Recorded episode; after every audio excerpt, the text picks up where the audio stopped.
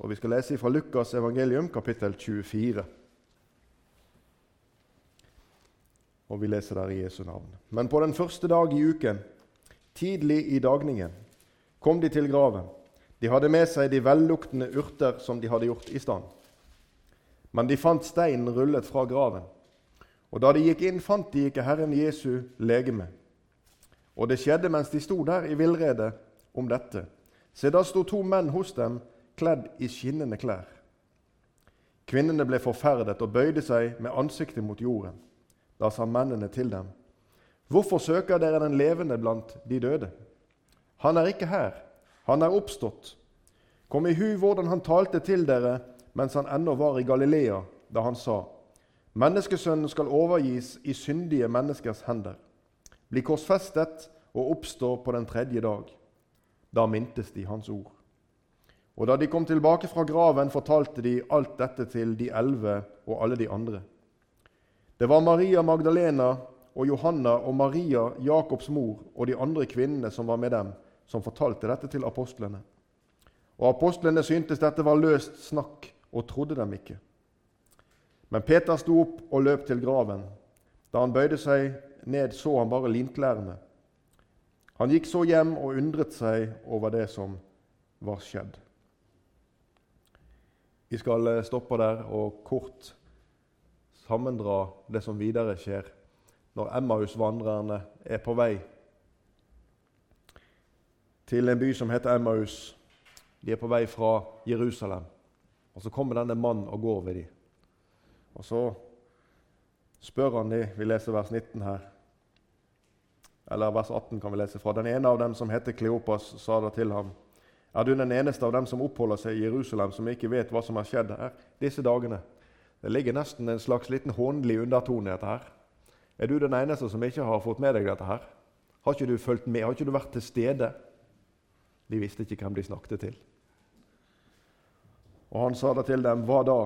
De sa til ham, det med Jesus fra Nasaret, en mann som var en mektig profet. Jeg var en profet, mektig i gjerning og ord for, hele, for Gud og hele folket.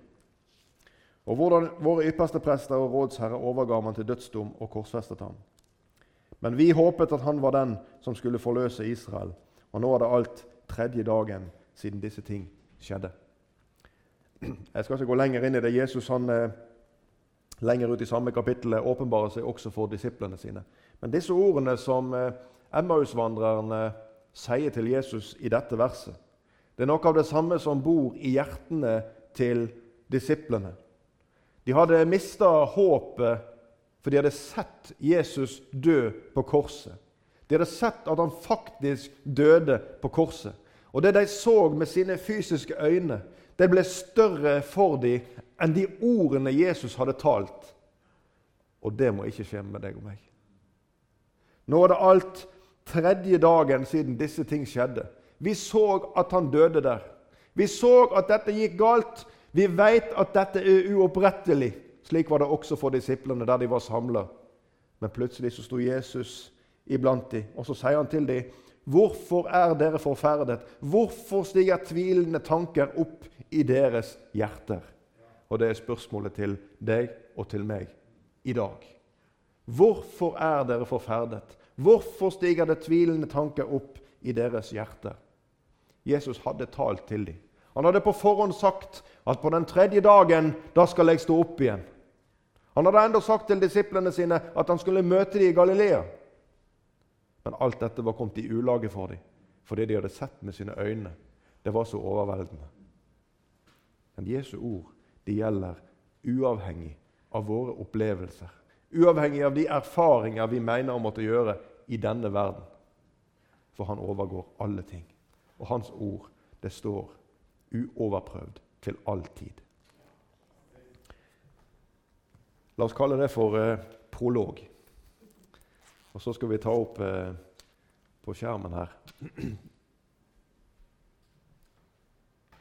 Så skal vi gå inn i eh, noe av det som eh, vi skal dele i fortsetningen.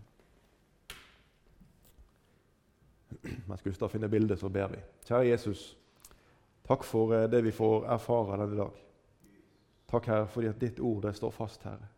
Å, Jesus, du stadfester det helt på egen hånd, Herre. Og vi ber Herre om at du skal gjøre det på nytt og på nytt for våre hjerter. Slik at vi, Herre Jesus, i vår tro, Herre, kan ha en så sterk tillit til deg at hva enn som kommer på, Herre, så er du størst. Så har du makt, Herre. Vi ber Herre om at du skal hjelpe oss inn i forståelsen av de ord vi nå skal dele i fortsetningen. Amen. Forlikelsen har jeg kalt eh, overskriften for i det vi skal få oss nå på påskedag. Jeg har lyst til å ta dere med litt inn i nøyaktigheten over Guds ord. Og siden vi bare har en formiddag på så må vi gjøre det litt avkorta. Mens Bibelen den taler i veldig stor detalj og i ganske stort omfang om Jesus gjennom Det gamle testamentet. Jeg hører stadig mennesker som sier at det ikke står om Jesus i Gamle testamentet. Men det er feil. Det står en hel masse om Jesus i Det gamle testamentet. Det er mange profetier om Jesus, om hans fødsel, om hans slekt, om hans tjeneste, om stedet for hans tjeneste, om hans død, om tidspunktet for hans fødsel og om tidspunktet for hans død. Og Vi kan ikke gå dypt inn i alle disse ting. Men jeg har likevel lyst til å gi dere et lite utsnitt av noen av de tingene som var talt om i fordums tid, og som peker på det som skulle skje, og som vi er med å glede oss over i dag. Selve evangeliet Hvis vi leser Johannes 3, 16-17, og Johannes 3, 16 det kjenner du som den lille Bibel. Det er liksom eh, evangeliet a nutshell, i et nøtteskall. For så har Gud elsket verden, at han gav sin sønn den enbårne, for at hver den som tror på ham, ikke skal fortapes, men ha evig liv. For Gud sendte ikke sin sønn til verden for å dømme verden, men for at verden skulle bli frelst ved ham. Når jeg streker under noe av dette i disse bibelversene for dere som ser her At Gud, For så har Gud elska verden, at han gav sin sønn for at hver den som tror på ham, skal ha evig liv. Hver den som tror på ham, skal ha evig liv. Gud sendte ikke sin sønn for å dømme verden, men for at verden skulle bli frelst ved ham. Du, Guds frelsesplan den var fra evighet av. Den var fra før denne verden ble skapt. Det var ikke slik at eh, det skjedde noe som Gud ikke hadde tenkt på i Edens hage, når Eva først tok av treet og deretter ga til sin mann å ete av den forbudte frukt. Gud visste at dette kom til å skje. Gud visste alt om denne skapningen før han skapte den. Han visste om syndefallet. Han visste om konsekvensene av syndefallet. Han visste om deg og meg. Vi synger en sang 'Du visste alt om meg før du meg kaller' og ga meg plass ved nådens rike bord. Gud visste alt om deg og meg før en eneste av våre dager var begynt. Gud visste alt om denne skapningen, og han vet enda mer. Han vet alt om denne skapningen fra i dag av og frem til denne tidshusholdning er slutt. Derfor kan han også, når han inngir sine profeter og sine talsmenn som har ført i pennen denne skrift, denne bok som vi kaller for Guds ord, Bibelen, så kan han inngi i deres hjerter alt som omhandler fra begynnelse til slutt. For han kjenner historien hele veien. Det gjør ikke du og jeg. Men Gud hadde han en frelsesplan ifra evighet. Fordi at han visste alt dette, fordi at han visste at syndefallet kom til å skje, så hadde Gud en plan. og Vi leser om det i Efeserbrevet kapittel 1 vers 4. For i ham har han utvalgt oss og hør, før verdens grunnvoll ble lagt, for at vi skulle være hellige og ulastelige for hans åsyn. Vi skal kort gå inn og se litt på Jesu ett, hvilken stamme han tilhører, og fødestedet hans. Jeg har bare lyst som jeg sa innledningsvis, å peke på noe av nøyaktigheten, noen av de tingene som i alle fall for mitt hjerte, er med og stadig bevitner hvordan Gud har lagt disse tingene til rette. Hvordan han forut har sagt det for at du og jeg skal kunne tro det når vi ser det. Han vet at vi trenger det. Vi leser fra Jesaja kapittel 9 vers 6-7. For et barn er oss født, en sønn er oss gitt. Herredømmet er på hans skulder, og han skal få navnet Under, Rådgiver, Veldig Gud, Evig Far, Fredsfyrste. Så skal herredømmet bli stort og freden bli uten ende over Davids trone og over hans kongerike. Det skal bli gjort fast og holdt oppe ved rett og rettferdighet fra nå av og til evig tid. Herren, herskarenes Guds nidkjærhet, skal gjøre dette. Her leser vi noe om Jesu ett. Vi leser om en tilknytning mellom dette barnet som skal bli født, en sønn som skal bli oss gitt. En som herredømme skal ligge på viss skuldre. Og han har en slekt innimot Davids trone. Og dette herredømmet det skal bli holdt oppe ved rett og rettferdighet ifra nå over til evig tid. Og det er Guds nidkjærhet som skal gjøre dette. Vi leser fra Første Mosebok, kapittel 49, og vers 10. Her leser vi om eh, når Jakob snakker med sønnene sine, og han profeterer over hver av en av dem. Over disse som skal være utspringet for de tolv stammene som er Israel. Kongespir skal ikke vike fra Juda. Ikke herskestav fra hans føtter inntil fredsfyrsten kommer og folkene blir ham lydige. Så leser vi om fødestedet til Jesus i Mika. Profeten Mika, kapittel 5 og vers 1. Du som har med deg penn og papir, du må bare finne det fram og notere, for i dag blir det mange skriftsteder. Mika 5,1.: Men du, Betlehem, Efrata, som er liten til å være blant Judas tusener, fra deg skal det utgå for meg en som skal være en hersker over Israel. Hans utgang er fra gammel tid, fra evighetsdager. Og så leser vi fra Det nye testamentets del et vers som vi pleier å lese når det er jul. I Lukas 2 og vers 4. Også Josef dro opp fra Galilea, fra byen Nasaret, til Judea, til Davids by, som heter Betlehem, fordi han var av Davids hus og ett. Ser du hvordan de tingene vi nå har lest om i Det gamle testamentet, sammenfattes i det som skjer her i Lukas 2? Josef han dro opp fra Galilea, fra byen Nasaret. Også dette med byen, Nas eh, Nasaret og området Jesus ble født i, var forutsagt.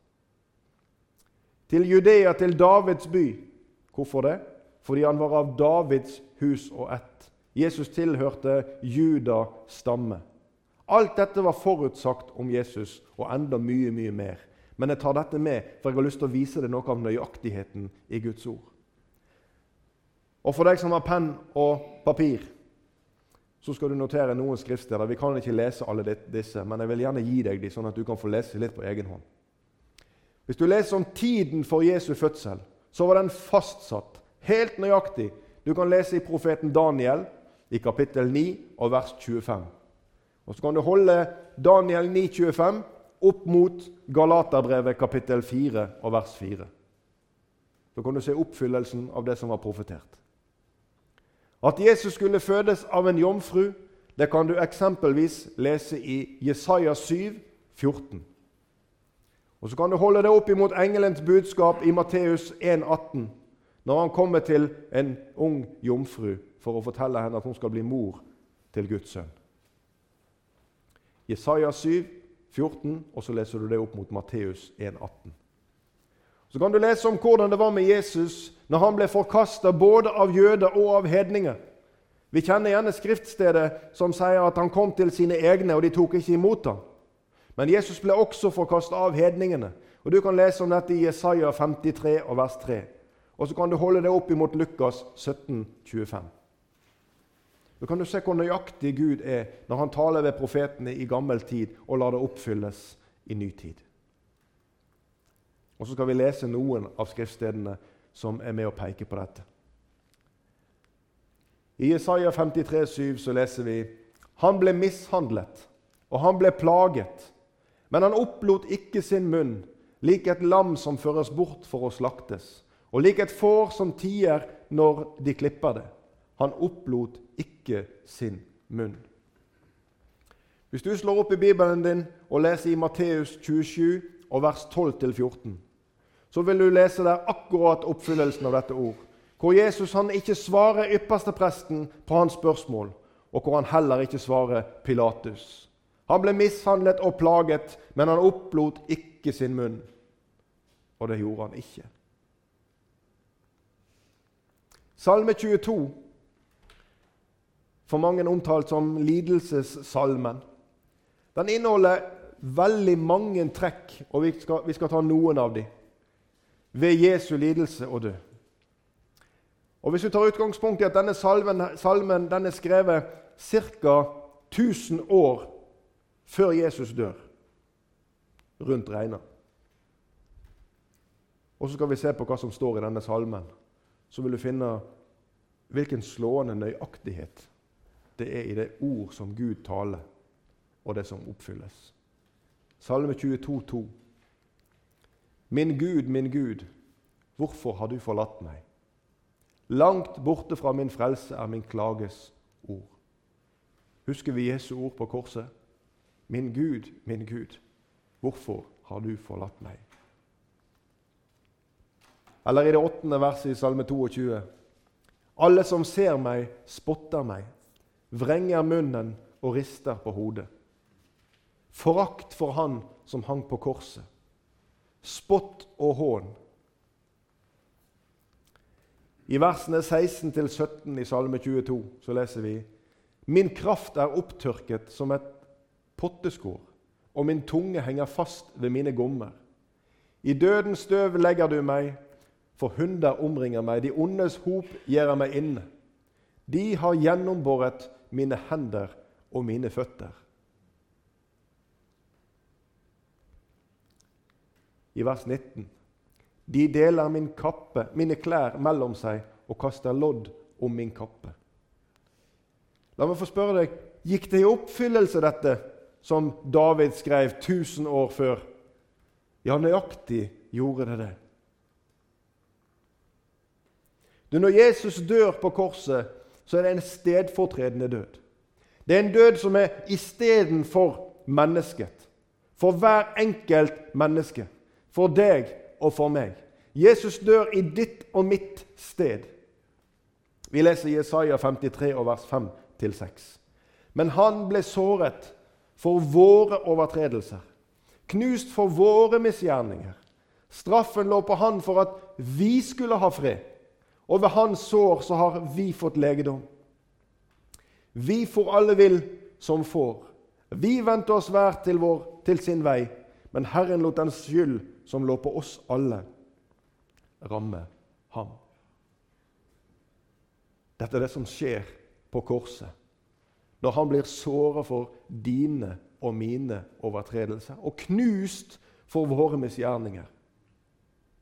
Gud lot straffen ligge på han for at du og jeg skal ha fred. Ikke bare fred som sinnsfred, men fred med Gud. Han gjorde slutt på fiendskapet når han gjorde dette på korset for deg og meg. Når han ropte 'fullbrakt', så gjenoppretta han det forholdet som hadde vært mellom Gud og mennesker før synden kom inn i verden. I troen på Jesus så har du fred med Gud. For så høyt har Gud elsket verden, at han gav sin sønn. Og så har Gud vist sin kjærlighet til menneskene. Så leser vi ved at Kristus døde for oss mens vi ennå var syndere. Ikke etter at vi hadde prøvd å ta oss sammen. Men han ble spikra opp til korset, og hans kjærlighet holdt han der, til tross for hån og spott, til tross for mistillit og vantro. Så valgte han likevel å holde ut lidelsen. For så høyt har Gud elsket. Det lå ingen menneskelig fortjeneste i frelsen. Det er Guds kjærlighet alene som har ordnet den. Så hvordan løser Gud da denne For det er faktisk en uløselig og fastlåst situasjon som er imellom Gud og mennesket etter syndefallet. For Gud Gud tåler ikke synd. Det kan ikke være synd i himmelen. Det kan ikke være synd i Guds nærhet. Det er noe av grunnen til at Adam og Eva må ut av hagen. De kan ikke være i Guds nærhet. De kan heller ikke ha tilgang til livets tre. Og Vi kan ikke gå inn i den biten, for det er en bibeltime alene.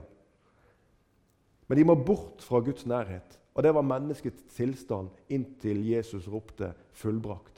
Borte fra Guds nærhet. Borte fra frelsen slik som den er betinga i den nye pakt. Så hvordan løser Gud denne problemstillingen? Jeg sa at overskriften fra i dag var 'forlikelse'. Og Nå skal vi lese i 2. Korinterbrev, kapittel 5 og vers 19. Det var Gud som i Kristus forlikte verden med seg selv, så han ikke tilregner dem deres overtredelser, og la ned i oss ordet om forlikelsen. Jeg vet ikke hvordan det er med deg, men jeg måtte lese dette verset noen ganger. Og det begynner helt herlig. Det begynner med hvem er det som tar action her? Jo, det var Gud. Det var Gud som i Kristus forlikte verden med seg selv. Så i Jesus Kristus så er du forlikt med Gud. I Kolosserbrevet så kan du lese om det.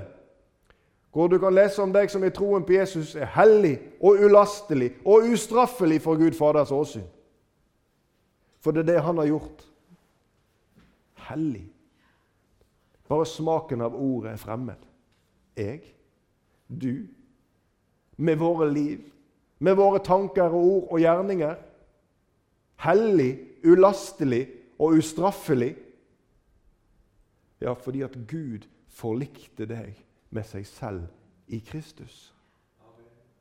Du er et forlik sånn i juridisk forstand. Det betegner vel kanskje en sånn oppnådd enighet mellom to parter. Så kan du ha et rettslig forlik eller et utenomrettslig forlik. Og så har vi noen som studerer juss her, som kan masse om dette. Men dette er helt enkelt et forlik. Det er to parter som må komme til enighet. Men når det gjelder dette forliket som Gud inngår, så står Gud her som kravstiller.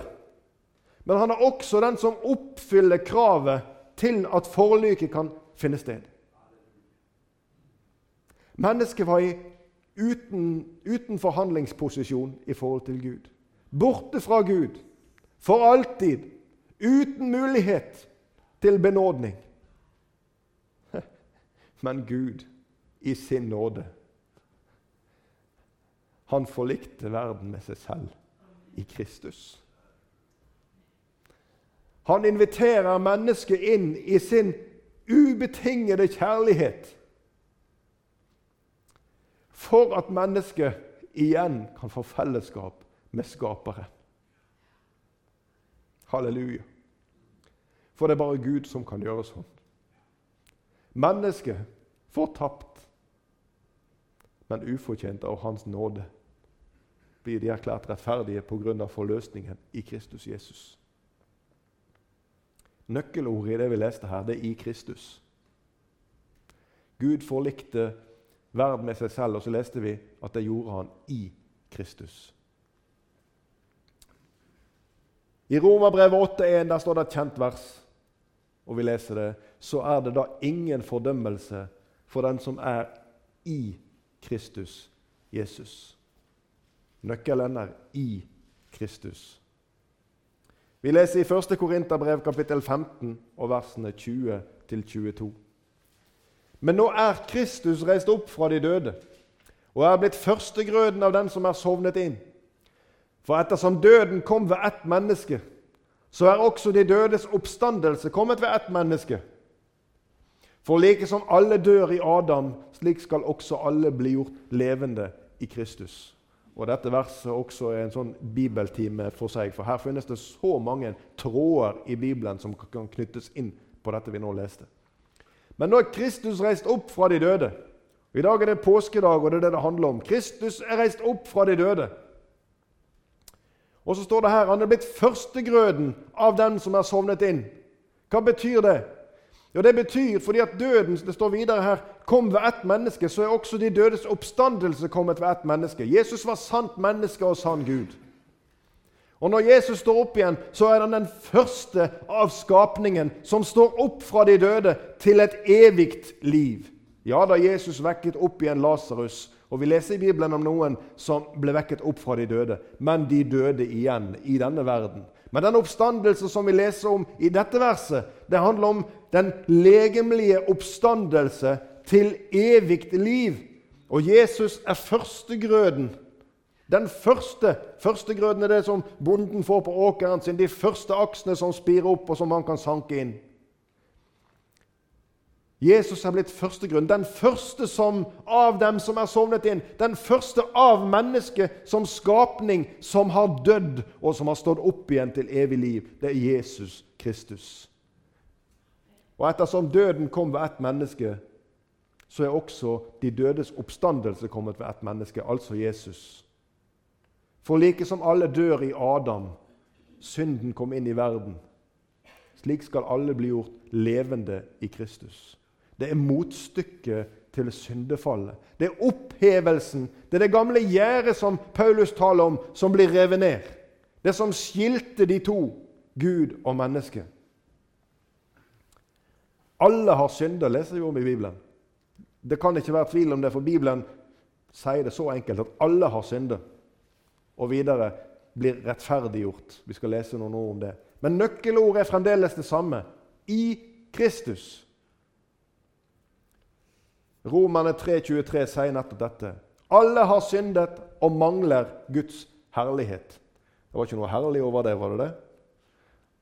Alle har syndet og mangler Guds herlighet. Motstykket var det som jeg siterte til dere fra Kolosserbrevet, hvor du er hellig og ulastelig og ustraffelig. Det er en ganske stor kontrast i forhold til det som står her. For her står det at det er fullstendig mangel på Guds herlighet. Bibelen lærer oss, og vi leste fra Jesaja 53, vers 6, at vi får alle vil som får. Vi venter oss hver til sin vei. Og enda mer i Romane 3,24 så leser vi om disse alle. Alle som syndet. Og om disse vi som for vill. Eller disse vi som venter oss hver til sin vei. Hør hva som skjer med disse. Hør hvordan forvandlingen skjer. Jo, de blir rettferdiggjort for intet av Hans nåde ved forløsningen i Kristus Jesus. Ja, jeg skulle sagt det. Halleluja. Og det skulle vært høyt i hele salen her. De blir rettferdiggjort. Og hvordan var det det skjedde? For intet av Hans nåde. Du og jeg, rettferdiggjort for Gud uten egen betaling, uten egen gjerning, uten egen vilje. For intet. Og av Hans nåde ved forløsningen i Kristus Jesus. Du, Seieren den finner sted på korset. Her er det ulike lærere ute og går. Du trenger bare å slå på TV-en på enkelte kanaler, så kan du få inn prekener som vil si noe annet enn det som jeg skal si til deg nå. Men nå skal jeg sitere til deg noe fra Bibelen. Men seieren, den skjer på korset.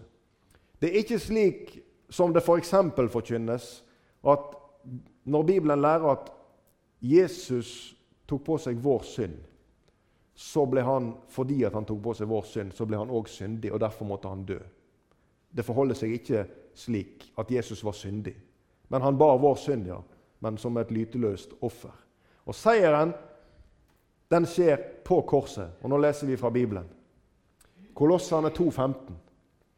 Han avvæpnet maktene og myndighetene og stilte dem åpenlyst til skue da han viste seg som seierherren over dem. Og hvor henne var det det skjer?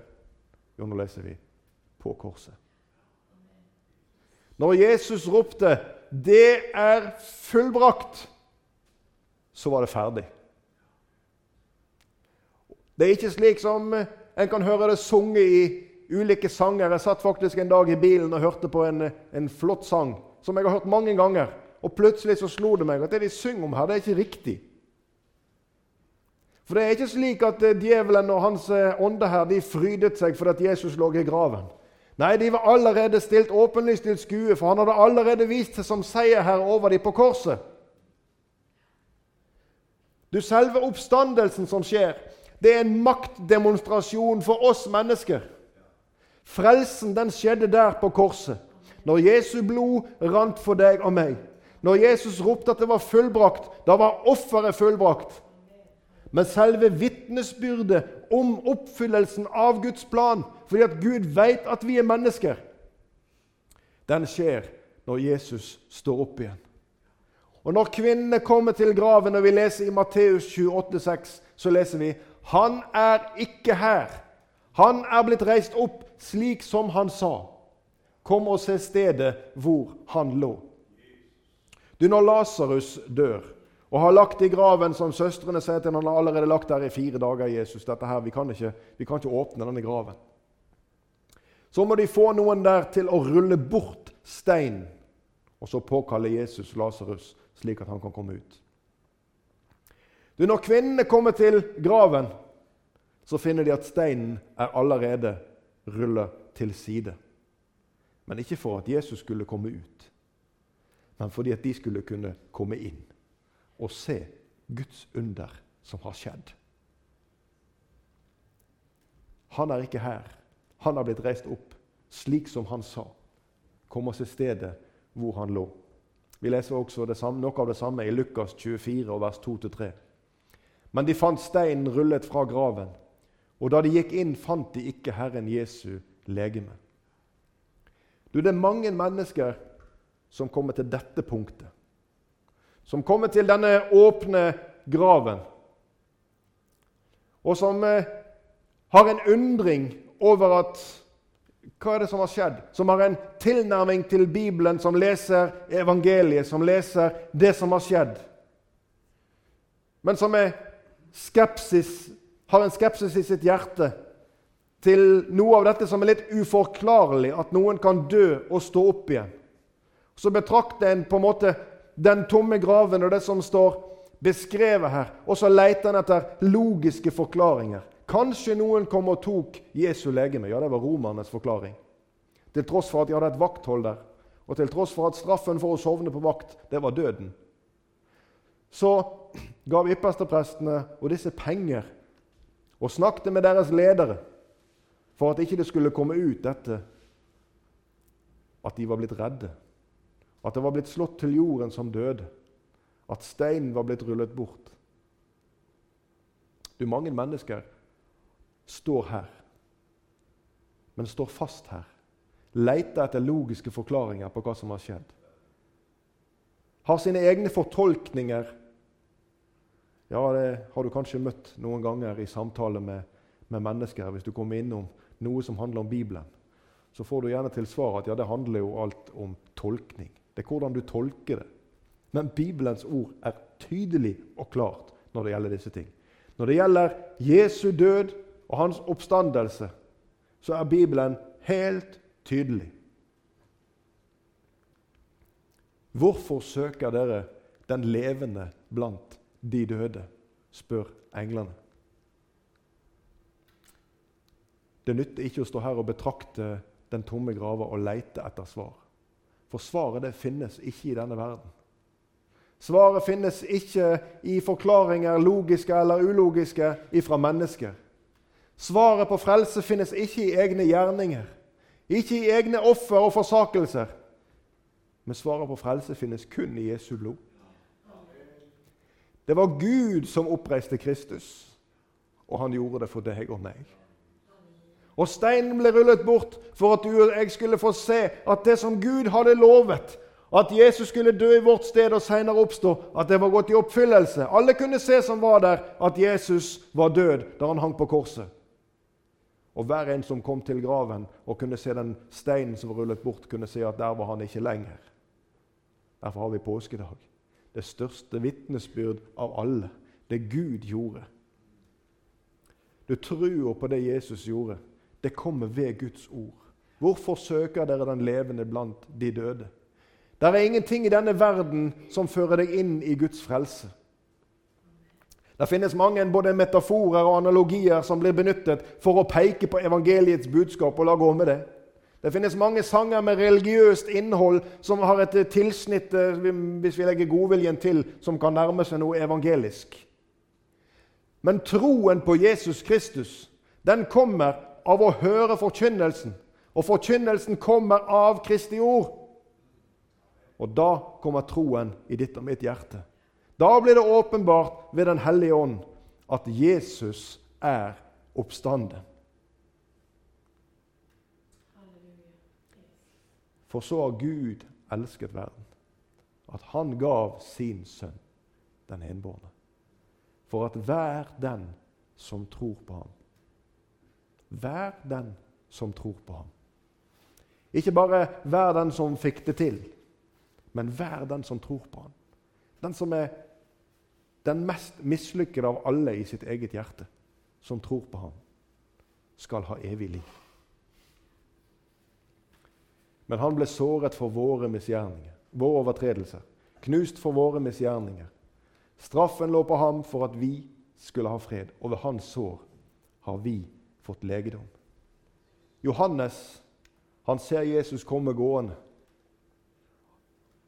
Og uten å ha samtalt med Jesus, så bare henleder han folkemengdens oppmerksomhet. Peker opp og se, der kommer Jesus og sier han, Se det Guds lam som bærer bort verdens synd. Det var åpenbart for hans hjerte. Det var derfor han var satt til å forkynne at snart kommer det en, og han skal bære bort verdens synd. Og der kommer han. Se det Guds lam, offerlammet. Og Nå kunne vi tatt oss et dypdykk inn i det aller helligste i tabernaklet og sett på den ypperste prestelige tjeneste og på nådestolen når blodet skulle stenkes der, og hvor det skjer. Men hebreerbrevet lærer oss at ikke med blod av bukker og kalver, men med sitt eget blod gikk han inn i helligdommen og fant en evig forløsning. Og det er den Guds helligdom, den som ikke er reist med menneskehender, i himmelen hos Gud. Her, far! Her er blodet. Her er det endelige offer som bærer bort verdens synd. Så hvilken tilstand må du og jeg være i for å kunne inneha denne tittelen å være i Kristus? Vi skulle jo hatt et sånt lite skilt på skjorta vår alle sammen, hvor det skulle stått 'Jeg er i Kristus', sånn at alle kunne se det. Så kunne de spørre oss, så kunne vi fortelle hvorfor og hvordan. Hvilken tilstand må du og jeg være i for å kunne være i Kristus? Jeg skal fortelle deg nøkkelen til å komme inn hit. Kanskje du kjenner veien godt, du som sitter her og lytter på i arken. Men kanskje det sitter noen der ute i radioland som lurer på hvordan kan dette bli mitt. Det var ei dame som het Charlotte Elliot og skrev noen fine sanger. Og I 1835 så skrev hun en sang som er sunget i alle fall en del i bedehusland, og som beskriver veldig godt hvilken tilstand du må være i for å kunne komme inn i Guds nåde. Og Nå lurer du på hvilke ting du må prestere for å få det til. Og Nå skal jeg sitere første verset. Just som jeg er, ei med et strå av egen grunn å bygge på. Jeg uforskyldt må nåde få, og kommer, o Guds lam, til deg. Her er opptakskravet til Jesu nåde. Just som du er, uten noe å bygge på. Fordi at du uforskyldt må nåde for. Så kan du komme til Guds lam. Og så har du del i påskemorgens gledelige budskap. Han er oppstanden for deg. Herre Jesus, må du hjelpe oss å gripe dette med våre hjerter. Hjelp oss å forstå rekkevidden av det, Herre, for vi, vi strekker ikke så langt, Herre, i vår tanke når det kommer til det himmelske. Når du ved din ånd, Herre, må kaste lys over disse tingene for oss, så må du gjenopptenne i våre hjerter, Herre, frelsesfryd, Herre, slik at vi kan få virke for deg slik som du ville iblant de mennesker som vi møter, Herre. Om ikke vi bærer et skilt på skjorta vår som står 'I Kristus', Herre, så må vårt liv og vår fremferd være prega, Herre Jesus, av at slik er det, så vi kan få komme i posisjon, Herre. Så vi kan få kjøpe den laglige tid etter ditt ord, Herre, og få dele evangeliets budskap med de mange. Takk, Herre, for påskedag. Takk for evangeliet. Takk for ditt offer. Amen.